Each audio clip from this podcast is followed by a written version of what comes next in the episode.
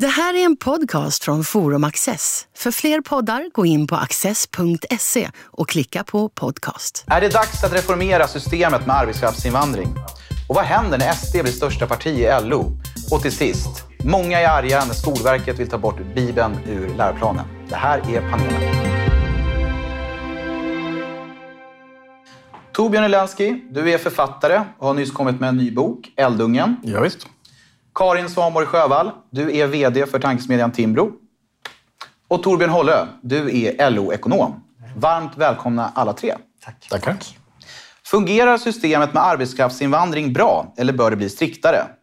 LO driver linjen om att modellen inte fungerar och främst gynnar kriminalitet och oseriösa arbetsgivare. Det här stämmer inte, menar Timbro. Arbetskraftsinvandringen fungerar på det hela taget väl och stärker Sveriges ekonomi. Ja, Karin, tycker du att det är en rättvis sammanfattning av debatten? Ja, det får man nog säga. Och vad säger du?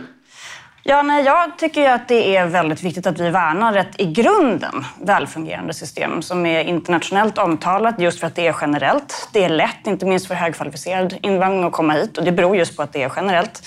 Det bidrar med ungefär 30 miljarder om året i ökad produktivitet och arbetsintäkter. Och det skapar också möjligheter för företag att få tag på kompetens som inte finns på plats. Så även om det finns ett behov av att fortsätta reformera det här systemet. Eh, det har ju kommit rapporter nu om att det har funnits missbruk. Det behöver rättas till, men det kan man göra utan att riva upp systemet i grunden på det sätt som LO vill göra. Håller du med Torbjörn? Eller? Alltså, Sverige har ett väldigt extremt arbetskraftsinvandringssystem. Eh, alla andra länder har ju antingen krav på att det, den, det yrke man har, att det råder brist på det, eller att man har liksom en lönenivå som är, som är relativt hög. Man kan välja antingen, antingen eller eller kombinera de här modellerna. Eh, men Sverige har inget av detta. Den lokala pizzerian kan alltså säga att det, att det är arbetskraftsbrist på diskare. Så därför ta hit en diskare från Mongoliet eller Irak.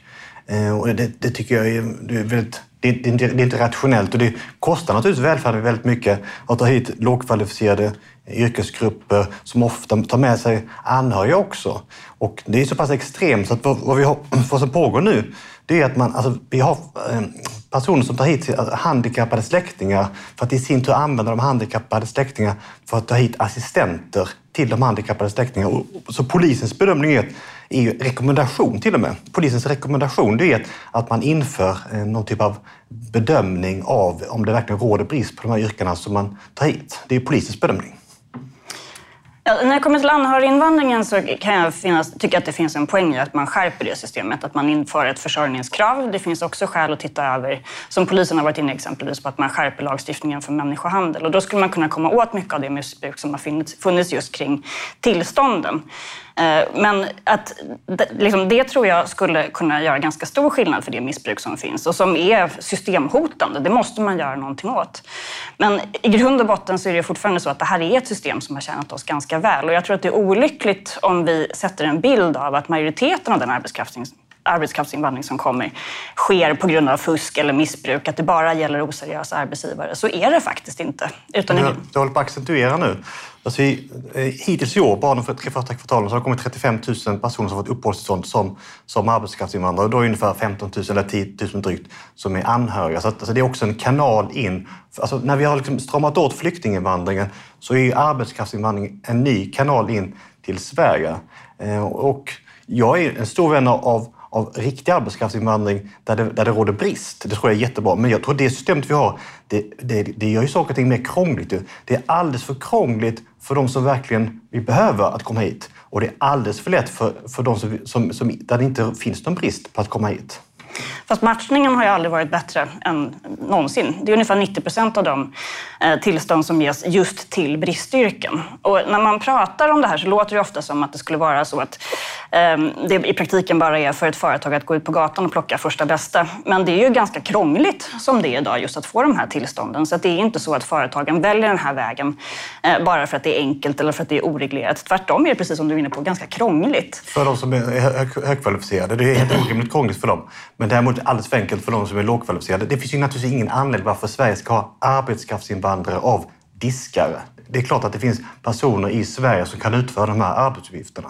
Fast då säger ju väldigt många företag emot och säger att här, ja, vi har annonserat och det måste man göra. Det finns ju en plikt på det. Man ska, också, man ska också komma ihåg att det faktiskt gäller kollektivavtalsenliga löner och villkor för att man ska få ett sådant arbetstillstånd.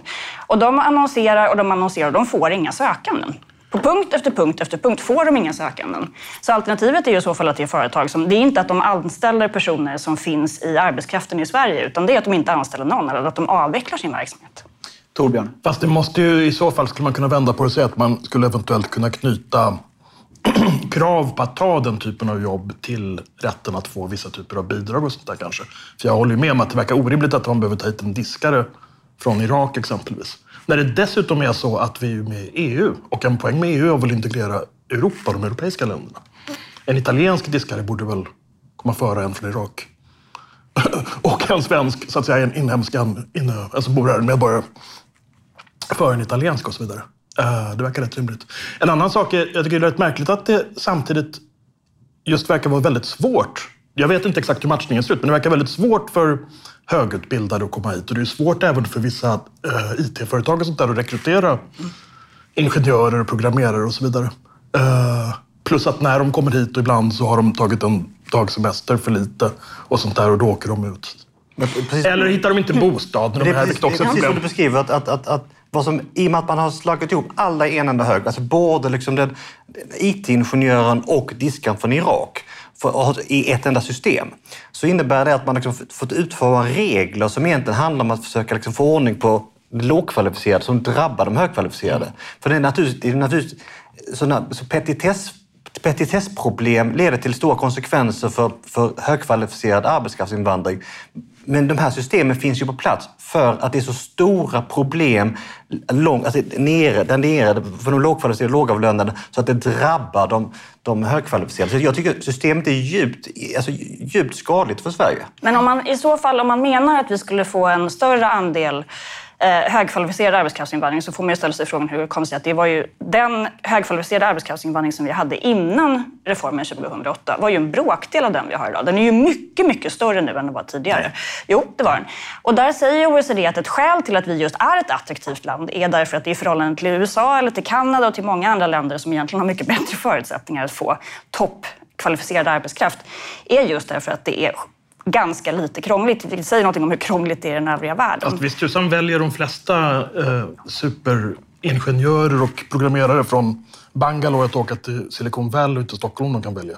Jo, om de kan välja. Men det är ju alla... Det är ju en och hub... Silicon Valley dammsuger ja, efter dem. Jag absolut. vet inte om svenska en... företag gör det också. Och det, är ju, och det är ju ett skäl till att vi behöver se över eh, systemet just att vi blir av med de här kompetensutvisningarna som vi har haft. Men skälet till att vi har haft dem är ju, tycker jag, en ganska bra påminnelse om hur svårt det är att med lagstiftningens hjälp finjustera de här systemen. Jag tror att det går, men man ska ha respekt för hur svårt det är. Därför att skälet till att vi har de kompetensutvisningarna är just att man gjorde en åtstramning som det fanns väldigt goda skäl för att göra, för att det fanns ett problem med missbruk. Men de slår väldigt hårt och därför så måste man vara försiktig när man reformerar det här systemet. Man ska inte slå sönder det som ni vill, utan man behöver vara ödmjuk inför att det här är svårt. Jag har sagt att jag ska slå sönder det. Jag konstaterar att alltså, det går alltså att visa, alltså forskare visar att lönerna sjönk med 30 procent när man införde detta systemet. Alltså man fick en helt annan sammansättning. Man gick från att ha mer högkvalificerat till att få alldeles, alltså en väldigt stor del lågkvalificerade yrken. Riksrevisionen pratar om att det är ungefär 40 procent av de som kommer som är lågkvalificerade icke-bristyrken. Så att det här systemet är, kontraproduktivt för, för landet Sverige. Det handlar inte om vad LO tycker. Det som LO tycker, det tycker i princip alla, alla inklusive polisen, som säger att man måste införa någon typ av prövning så att man får ordning på detta. Men nu pratar du om siffrorna som var när reformen infördes 2008. Sedan dess har som sagt matchningen blivit oerhört mycket bättre. Idag skulle jag säga att den fungerar i huvudsak väl. Så det är ju... större arbetskraftsinvandring från Irak än från USA. Det, det, borde, det borde någonstans indikera alltså, hur snett det är. Det kom 1500, hittills i år har det bara kommit 1500 personer som fått uppehållstillstånd från Irak, varav 1000 är, är anhöriga. Så det är 500 som, som har någon typ av jobb, ofta köksbiträden och liknande, och så har tagit hit 1000 personer som anhöriga. Också... Hur, hur, hur, hur många kommer från övriga EU? De behöver man inte söka tillstånd för. Nej, jag förstår det, men man, måste kanske, man kanske räknar dem i alla fall. Ja, men det finns väldigt dålig statistik på detta. Okej, okay, det borde vara intressant att kolla med tanke på att det, det, finns ju, så att säga, vi är med i EU av den anledningen att det ska vara rörlighet inom Europa. Jag tycker vi borde prioritera Europa på flera sätt mer i Sverige. Det verkar ju ändå vara någon typ av samförstånd om att systemet borde ändras och sen är frågan om hur mycket det ska ändras. Jag vill ha arbetskraftsinvandring till yrken där det råder brist. Och inte, inte, inte, det ska inte vara kriminalitet, det ska inte vara ett förtäckt väg att komma in till Sverige för att man har stramat åt asylinvandring. Det ska, arbetskraftsinvandring ska vara arbetskraftsinvandring. Och det är det enda sättet att få respekt för det här systemet. Jag tror att nuvarande system eh, eh riskerar att stjälpa alltihopa. Jag tror att det är djupt in, kontraproduktivt att försvara det nuvarande systemet för det är så fullt med hål och felaktigheter. Ja, och jag håller inte med om det. Eller rättare sagt, jag håller med om att det behövs reformer, men att man värnar om en princip om att arbetsgivare är bättre lämpade än en byråkrat på en myndighet att avgöra vilken typ av kompetens de behöver. Det tycker jag är en extremt viktig princip att värna. Och sen behöver man absolut strama åt de delar av systemet, inte minst kring, kring människohandel som vi har sett. Eh, därför att det är systemhotande. Men det har ingenting att göra med den grundläggande principen. Och med de orden så ska vi gå vidare till veckans andra ämne.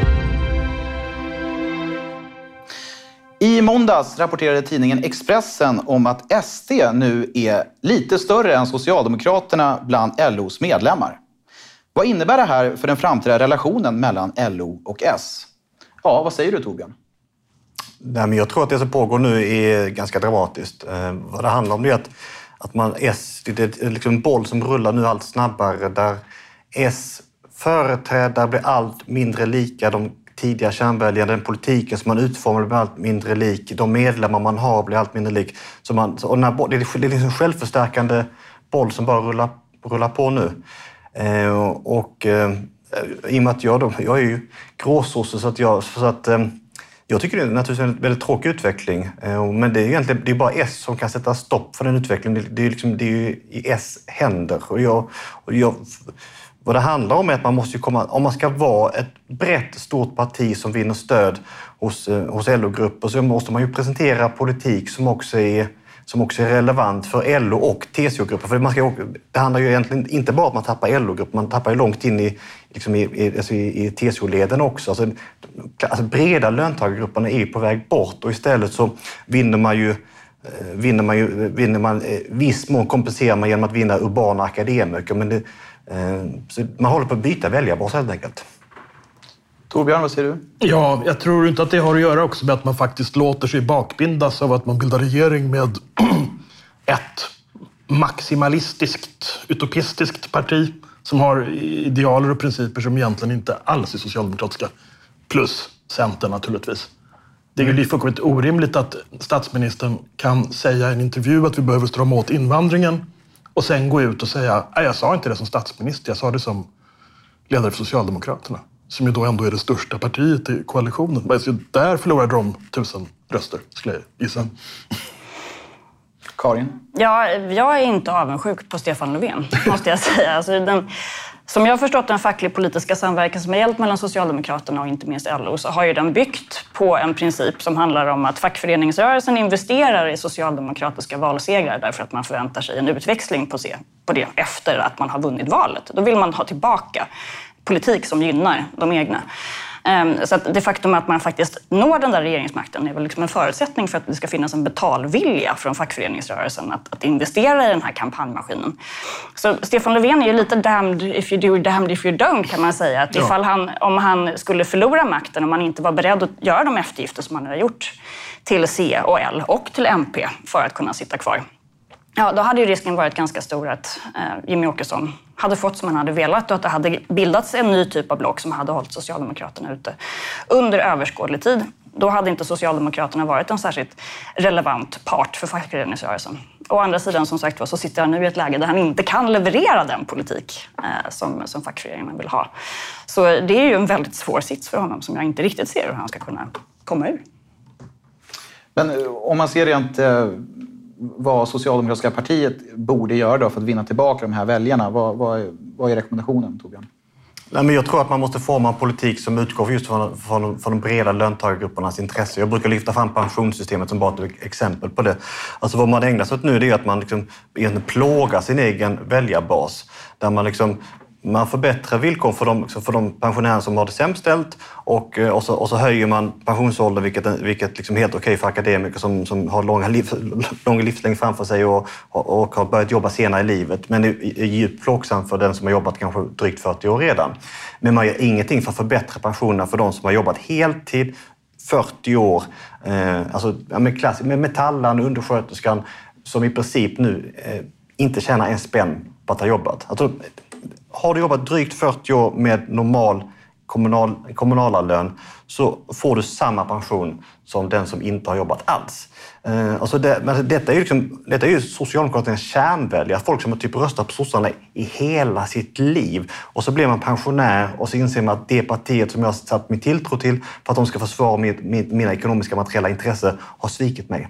Eh, och det, är, det är bara ett exempel. Att man värnar inte liksom den breda basen. Alltså, det är mycket så att tycka synd om politik som jag ser hos S nu. Alltså sånt som man tidigare såg hos liksom Folkpartiet eller Vänsterpartiet. Liksom sån, lite glasögonbidragen och sånt. Alltså det, det, det, centrala för S har ju varit liksom generell välfärdspolitik, inkomstförsäkringar som, som är starka och bra. Det, det, är där, det är där S måste finnas, finnas för att vinna de breda väljarbaserna. En, en anledning till att man införde generell välfärdspolitik var väl dels att folk inte skulle tvingas att vara tacksamma för att få hjälp av olika slag och dels för att man inte skulle tvingas att tigga, eller hur? Det är ju en sån här, för att ta ett väldigt så brutalt vardagsexempel, det är väldigt märkligt att det har blivit en självklarhet även för svensk vänster att det är en mänsklig rättighet att tigga. Och det menar inte jag att man bör förbjuda att tigga och sådär, men att man inte lyfter detta sociala europeiska problem återigen till europeisk nivå med tiggarna som är i Sverige. För det, de är ju bevis, skulle jag säga, på att man inte riktigt själv förstår sina egna principer inom social, socialdemokratin. Absolut, absolut. Och då, då, går man ju, då kan man inte föra bra politik. Jag, jag håller med. Alltså, alltså, S-politik har aldrig handlat om att, historiskt, om att, om att, liksom, att hjälpa, alltså, hjälpa tiggarna. Det har, ju, det har ju handlat om att skapa en så pass starkt precis som du beskriver, samhälle så att, så, så att så, så få ramlar ja, igenom. Inte välgörenhet utan välfärd, ja. helt enkelt. Eh, någonting som också visas i den här undersökningen från Sifo eh, är ju att eh, LO-kvinnorna i allt högre utsträckning börjar rösta på SD. Vad kan vi säga om det? Ja, alltså de har ju, Socialdemokraterna har ju ett problem med att de blöder åt två, två håll som egentligen inte har så hemskt mycket gemensamt. Och det är ju dels Sverigedemokraterna och dels V Eh, som de pressas för från olika håll. Och där är väl välfärdsfrågorna just rätt centrala vid sidan av, av invandringspolitiken. Och där tycker jag att det har varit ganska tydligt under lång tid att Socialdemokraterna vill försöka stoppa blödningen primärt till Sverigedemokraterna. Det är det som man uppfattar som det, det riktigt stora hotet. Och där har man ju sett en helt ny typ av signalerande i migrationsfrågorna. Man har sett en helt typ av signalerande i, i rättsfrågorna, att man har blivit mycket tuffare där.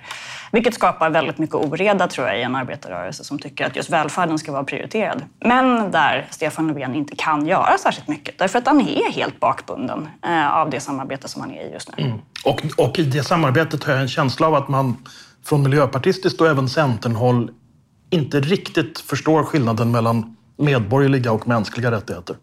Det är inte en mänsklig rättighet att ta del av det svenska välfärdssystemet. Det är en medborgerlig rättighet.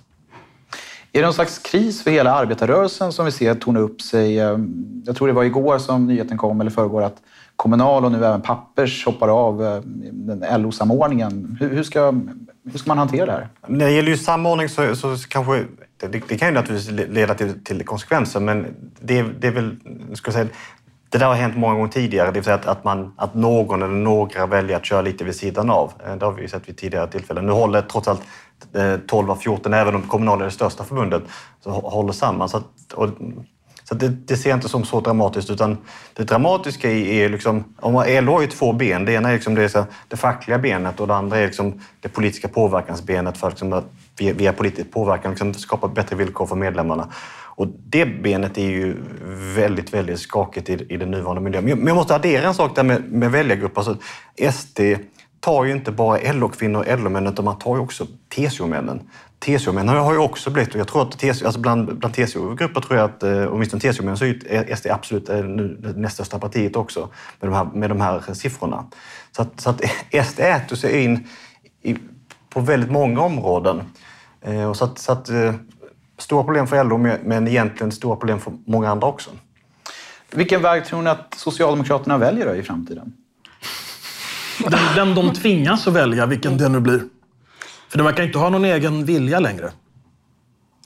Nej, alltså, nu är jag kanske inte en helt given S-strateg eh, som Timbro-VD. Men jag tror ändå att ett skäl till att Socialdemokraterna har lyckats, även om man har backat och gjorde sitt sämsta val liksom historiskt sist, ändå har lyckats stå pall på ett sätt som motsvarigheten i Europa inte har gjort, har byggt väldigt mycket på den här facklig-politiska samverkan. Att det har funnits en, en bas som har, som har hållit emot den här liksom långsiktiga trenden neråt som man har sett eh, på europeisk nivå. Så man kan ju tycka att det borde vara prioriterat för dem att, att försöka hålla ihop det bygget. Men sen om det går eller inte återstår ju att se. Men ifall man skulle, om, man, om det här är ett tecken på att den samverkansaxeln håller på att bryta samman och att den här avtalsrörelsen blir ett exempel på att man inte lyckas samordna sig, då tror jag att, att botten kan gå ur eh, mm. fortare än vad man tror.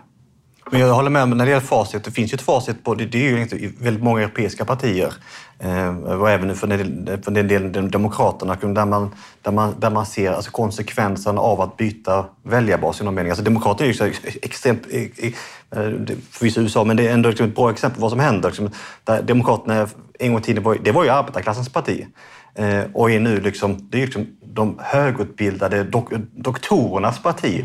Eh, och det var ju liksom arbetarklassen som, som, som drog och röstade fram Donald Trump. Men, men, vi sa samma, men, men samma liksom, utveckling ser vi i massa andra länder. Frankrike, liksom, eh, så man, har, man byter, man byter man, i princip nästan alla partier, förutom Danmark då, som då backar bandet och, liksom, och, och tar tillbaka. Liksom, går tillbaka. Fast med vilken politik? Men okej, ni ska inte avbryta. Ja, jo, men, men, men, så, att, så att det finns liksom ett facit. Och, och S, svenska S har egentligen varit väldigt framgångsrika på att inte göra samma misstag som man har gjort i massa andra länder. Men det som nu sker, och sker nu snabbt, är min bedömning, det, det, det är att man rullar i samma riktning, tyvärr. Och det får runda av eh, det här ämnet. Nu är det dags för veckans eh, avslutande ämne. I förra avsnittet av panelen så diskuterade vi Skolverkets förslag om att ta bort antiken i den nya kursplanen för grundskolan. Nu visar det sig att Skolverket vill göra fler ändringar i de olika ämnena. I korthet menar kritikerna att rena faktakunskaper och väletablerade historiska epoker försvinner och ersätts med diffusa begrepp som processer, hållbarhetsfrågor och historiebruk. Kort sagt, det blir ännu svårare att avgöra exakt vad det är eleverna bör kunna i skolan. Torbjörn, vad säger du? Jag säger att det verkar fullkomligt vansinnigt. Man förstår inte, dels förstår man inte hur elementärt viktigt det är för att lära sig saker att man har ett sorts eh, raster eller ett sorts system där man kan hänga upp kunskaperna och ordna dem. Alltså årtal, hur floderna går, Ehm, alla sådana fakta. Också att kunna vissa verser och sånt utan till. Det är verkligen grundläggande bra kunskap. En annan sak man inte fattar har en känsla av det är att kunskap tar inte plats i hjärnan.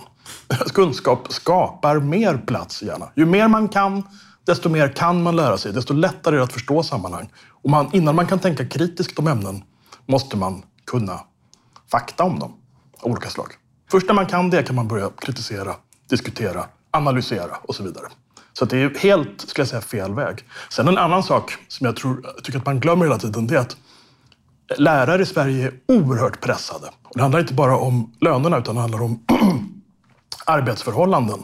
För det krävs enormt mycket kringarbete, förarbete, efterarbete, eh, mycket arbete, möten och sånt. Saker som ofta egentligen kanske inte ens är avlönat som de förväntas hålla på med på olika sätt. Jag tycker man skulle ge mycket större, visar mycket större förtroende för lärarna, för lärarnas förmåga att lägga upp sin undervisning, för lärarnas intresse för sina ämnen och intresse för sina elever, vilja att lära ut. Alltså en bra lärare är ju på något sätt som en bra DJ kan man säga, för att ta något som ungdomarna fattar. Nej, men man vill, man vill att de ska fatta. Jag har själv vickat som svenska lärare och det är fruktansvärt kul om man lyckas hitta en ingång och få eleverna att vilja läsa vissa böcker. Alla kommer inte alltid att vilja läsa allt naturligtvis. Men att få tillräckligt många att läsa så pass mycket att man får liksom fart på det hela och känsla för att det händer någonting i klassen. Det är helt fantastiskt. Lärare vill det, men jag vet inte, det känns som att de, jag tror att de i hög grad känner sig bakbundna av reglerna och hur det ser ut idag. Karin, vad säger du? Ja, jag håller med. Jag tycker också att det här är en otroligt upprörande nyhet när man fick ta del av det här. Liksom den här otroliga nonchalansen inför kunskapsbegreppet som genomsyrar all den här politiken är, är faktiskt rätt motbjudande. Ehm, men jag tycker det finns egentligen två slutsatser man kan dra eh, rent politiskt. Och det, ena är ju att de som tycker att alla problem i skolan kommer lösas via ett förstatligande kanske behöver tänka om. Jag tycker att det är rätt uppenbart att mycket av problemet med den svenska skolan ligger i de statliga institutionerna. Alltså det ligger i Skolverket, det ligger i lärarutbildningarna. Hela den här kunskapssynen som genomsyrar det här förslaget kommer från statens egen kropp. Och det, och det, och det är liksom det som vi behöver diskutera. Um, om man, inte, om man inte är medveten om det så tror inte jag att det kommer gå att vända skolan på, på något vettigt sätt. Är ni förvånade över att det inte har blivit... Nu har det ju varit en, en, ganska mycket debatt när de skulle försöka ta bort antiken. Och sen backar man ju från det förslaget. Och sen visade det sig att eh, alla explicita referenser till Bibeln eh, skulle försvinna i det här Helt förslaget. vansinnigt. förslaget till ny, ny läroplan som bara är ett förslag visserligen, men ändå. Eh, men att, att det inte varit, det har inte föregått av någon större bred politisk debatt. För det är ju, väldigt, det är ju varje ämne här som man vill, vill göra ganska stora förändringar av. Ta bort Bibeln, det är också ett exempel på något sånt som är, det är fullkomligt vansinnigt. Hela svenska litteraturen, vår syn på människovärde och etik och så vidare. Visserligen har det förvandlats sen via upplysning och sånt där, men grunden någonstans längst borta ligger i kristendomen och Bibeln. Att inte känna till det och göra sig urarva. Jag, jag har naturligtvis samma uppfattning som Torbjörn. Eh, men, men däremot när man läser, försöker, jag, jag fick anledning att läsa på Skolverkets hemsida och försökte sätta in vad det är som händer egentligen, så, så verkar det vara något mer komplex bakgrund kanske. Än, liksom, man blir ju så själv, man blir ju jätteupprörd när man läser om detta. Men sen, ja, det, det verkar, bland, annat, bland annat har ju Skolverket själv påpekat att historieämnet har ju fått alldeles för få timmar. Mm. Så det är så pass få timmar så att man helt faktiskt inte kan få plats med allting. Så då är det någonstans att skjuta budbäraren kanske lite grann. Att, och det, det är naturligtvis helt huvudlöst att ta bort antiken.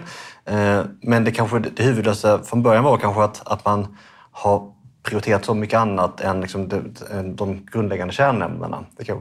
Så att, ja.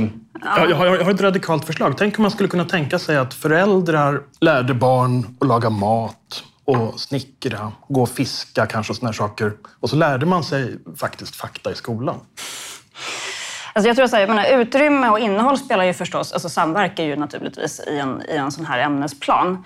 Men det är ju samtidigt inte samma sak. Alltså att man tar bort Bibeln och så vidare är ju ändå en, en, en kvalitativ förändring som egentligen inte har att göra med antalet timmar som man pratar om.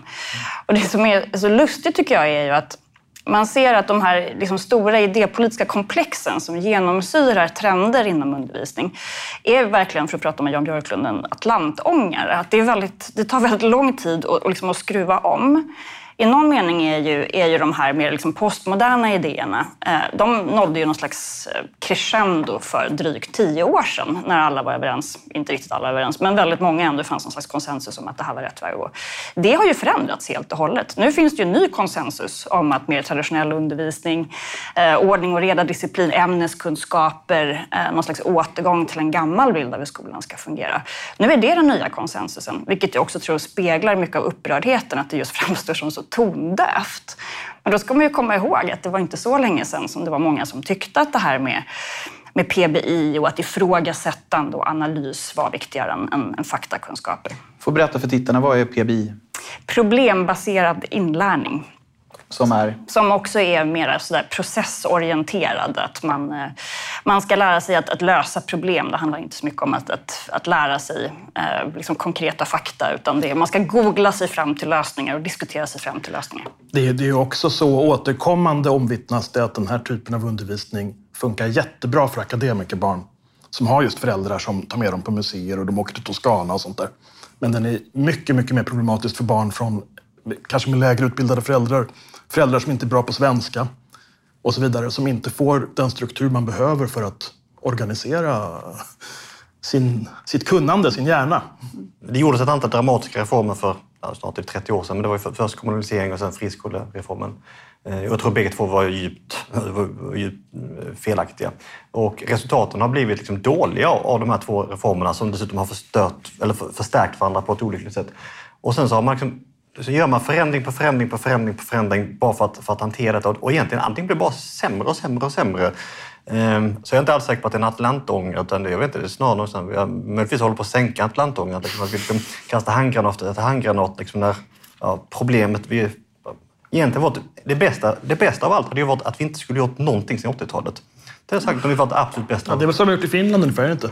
Jag har faktiskt hört, jag har faktiskt hört att det är så, exakt så finnarna säger. Ja. De, de kopierade Sveriges läroplan år efter år efter år och fram till när vi satte igång på slutet på 80-talet och gör en massa dumma saker, då slutar de. Det är som Japan i förhållande till Kina ungefär. Ja, nu har ju Finland inkorporerat en mer svensk modell. Ja. Ja, precis. Tack, tack, jag tänkte säga att de tack, har tack. ju, nu har ju de börjat följa efter eftersom Aj, de tenderar att vara lite efter. Ja, som sagt, jag, tror, jag tror inte alls det, eh, att vi skulle ha stannat kvar vid 80-talet. Om vi hade gjort det, då hade de här människorna på Skolverket haft totalt monopol över alla skolor. Det hade inte funnits ett, till exempel Internationella Engelska Skolan som faktiskt hade kunnat tillämpa en annan typ av kunskapssyn och en annan typ av av pedagogik. Och det får avsluta veckans avsnitt av panelen. Tack för att ni har tittat.